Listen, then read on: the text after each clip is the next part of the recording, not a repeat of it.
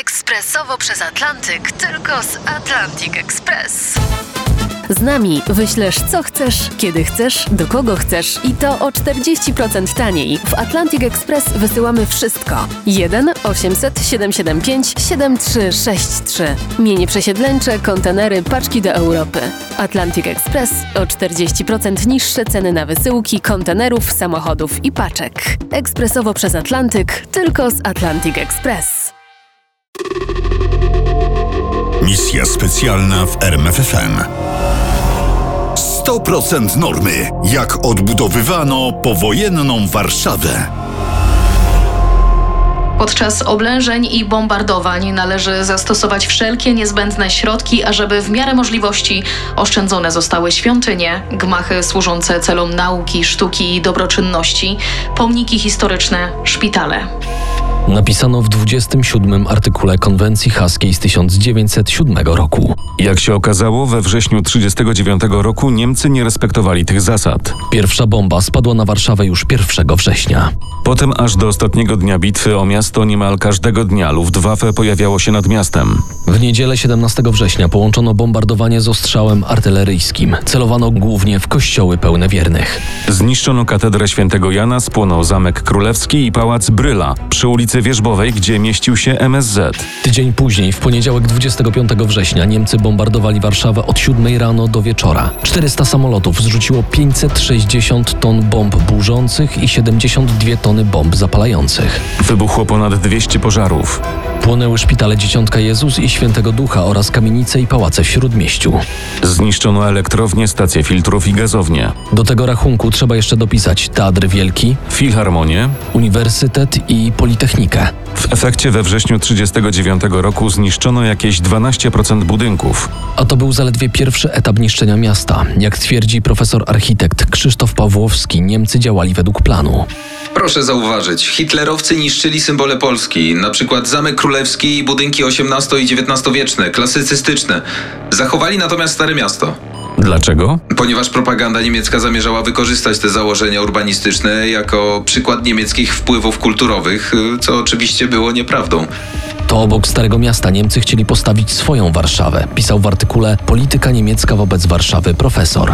I przywołuje jako kolejny argument tak zwany plan Papsta. O co tym razem chodzi? Już w pierwszym roku okupacji architekci Hubert Gross i Otton Nürnberger przygotowali projekt Die Neue Deutsche Stadt Warschau. Pod projektem podpisał się naczelny architekt Warszawy Friedrich Pabst. To od nazwiska tego człowieka nazwano projekt planem Papsta. Według planu Warszawa miała liczyć około 130 tysięcy ludzi zamieszkujących w Śródmieściu. Po północnej stronie tego miasta miała być Starówka jako przykład niemieckiego pochodzenia Starej Warszawy. Jednak w 1942 roku plan ten okrojono. Tym razem niemiecka Warszawa miała być tylko prowincjonalnym miastem, liczącym nie więcej jak 40 tysięcy mieszkańców. Głównym punktem obu planów było zniszczenie polskiej Warszawy, w tym drugim wariancie również ze Starym Miastem. W miejscu Zamku Królewskiego stanąć miała hala ludowa. Zapewne podobna do tej w mieście Breslau. Nic z tych projektów nie wyszło, bo niemieckie panowanie w Europie i Polsce zaczęło powoli zmierzać ku końcowi. Ze starych planów pozostała tylko idea fix Adolfa Hitlera zniszczenie Warszawy. Druga fala burzenia miasta nastąpiła w 1943 roku po powstaniu w getcie. Niemcy zniszczyli dosłownie wszystkie kamienice. Wreszcie trzeci etap nastąpił po powstaniu warszawskim. Każdego mieszkańca należy zabić. Nie wolno brać żadnych jeńców. Warszawa ma być zrównana z ziemią i w ten sposób ma być stworzony zastraszający przykład dla całej Europy. Napisano w rozkazie dla oddziałów rzuconych na Warszawę.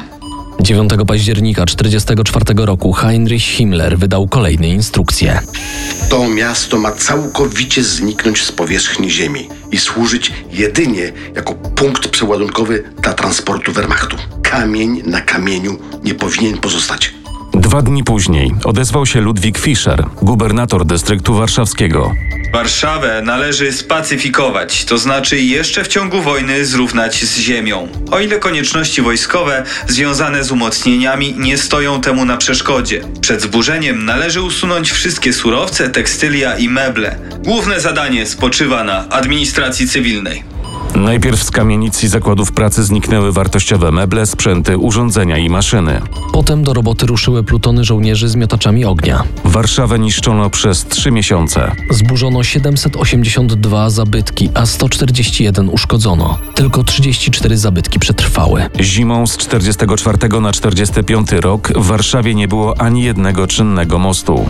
85% kamienic leżało w gruzach, zniszczono 90% zakładów pracy i 70% szkół.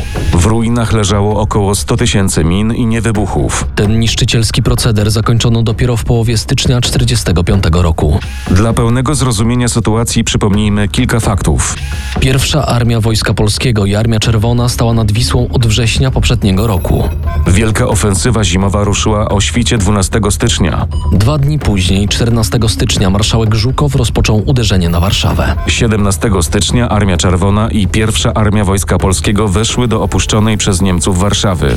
Kilka dni później na zaśnieżonej kamiennej pustyni miasta pojawili się ludzie. Warszawiacy wracali do domów. Do domów, których nie było. Już 3 stycznia 1945 roku, a zatem jeszcze przed wyrzuceniem Niemców z miasta, Krajowa Rada Narodowa postanowiła odbudować Warszawę. 22 stycznia powstało Biuro Organizacji Odbudowy Miasta Stołecznego Warszawy, a 3 lutego zamieniono je na Biuro Odbudowy Stolicy, w skrócie BOS. Zaangażowano znakomitych architektów Jana Zachwatowicza, Romana Piotrowskiego, Józefa Sigalina, Witolda Plapisa i wielu, wielu innych. Mimo entuzjazmu pomysł wydawał się nierealny.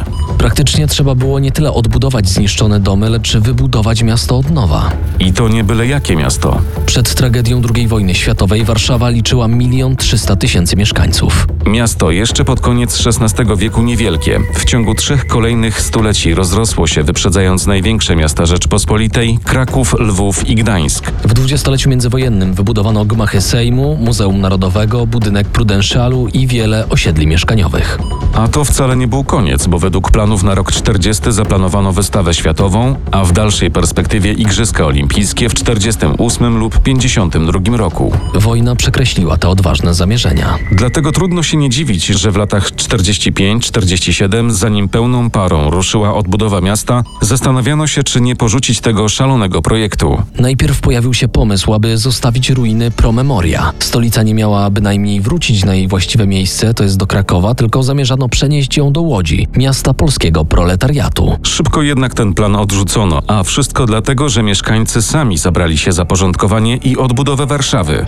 Decyzje polityczne tylko potwierdziły tę społeczną inicjatywę.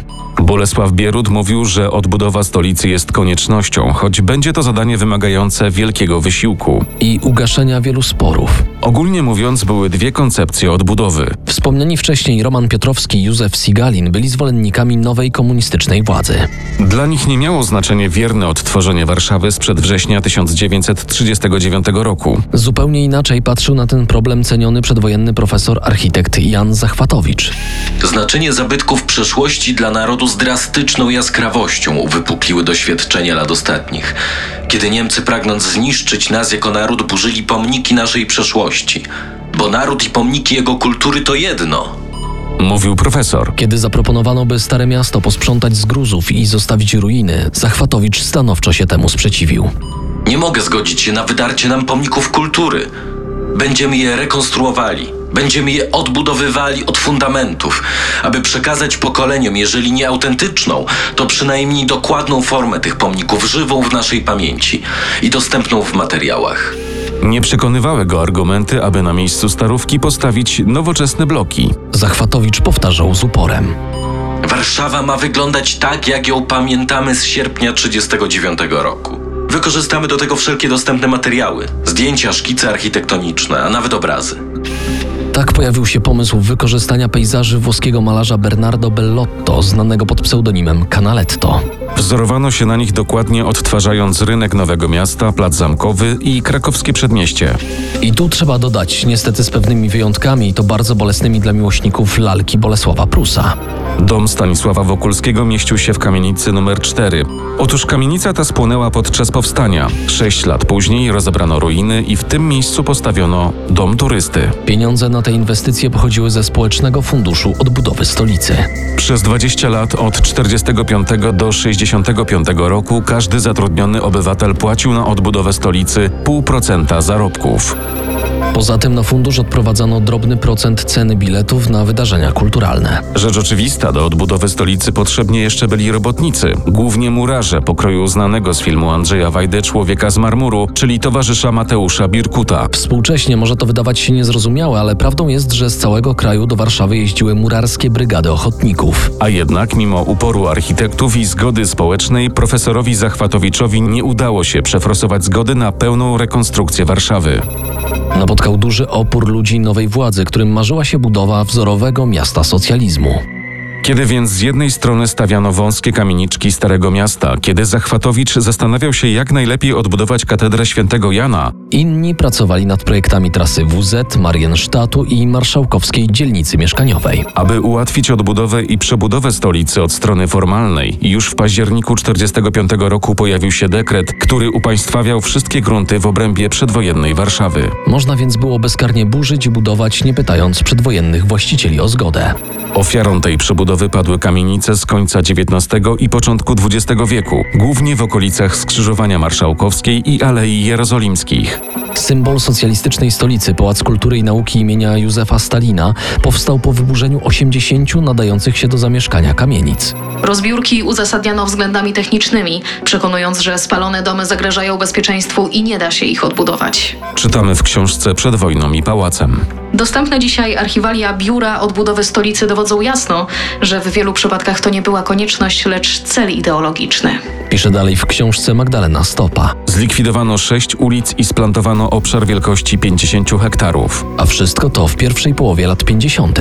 Jeśli ktoś dziś będzie chciał szukać kamienicy przy ulicy Śliskiej 6, w której w lipcu 1944 roku Jan Nowak-Jeziorański składał raport przed generałem Borem Komorowskim, to jej nie znajdzie. Tak samo nie można dziś odszukać domu sierot Janusza Korczaka, wytwórni płyt gramofonowych Syrena Rekord, warszawskiej rozgłośni Polskiego Radia, Oraz dwóch dworców, kolei warszawsko-wiedeńskiej, z którego Stanisław Wokulski odjeżdżał do Paryża i dworca głównego.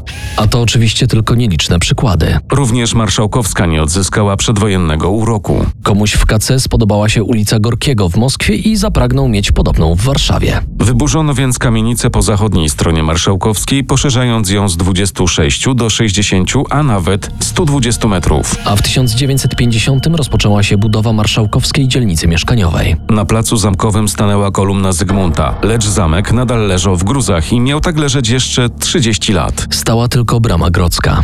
Do początku lat 60. sprawa odbudowy zamku pozostawała otwarta. Założono komitet czuwający nad odbudową, przygotowano projekty i zbierano pieniądze. Ale w 63 roku temat przycichł. Na stronie zamek-królewski.pl czytamy. Połowie 1963 uporządkowano tereny byłego Zamku Królewskiego. Dziedziniec wyłożono płytami kamiennymi, ustawiono ławki oraz betonowe klomby z kwiatami. Śladem historycznego gmachu pozostał metrowej wysokości mur z czerwonej cegły oraz fragmenty ruin. Dlaczego nie udało się odbudować zamku? Ponieważ sprzeciwiał się temu pierwszy sekretarz Władysław Gomułka. Dopiero w 71 roku, już w epoce Gierka, poważnie pomyślano o odbudowie zamku i zebrano się za ten temat poważnie. Trzy lata później zamek stał, ale jeszcze przez 10 lat trwały prace wykończeniowe. Oficjalnie otworzono Zamek Królewski w ostatni dzień sierpnia 1984 roku. Udało się zdążyć na obchody 45. rocznicy wybuchu II wojny światowej. Jan Zachwatowicz nie doczekał tego dnia.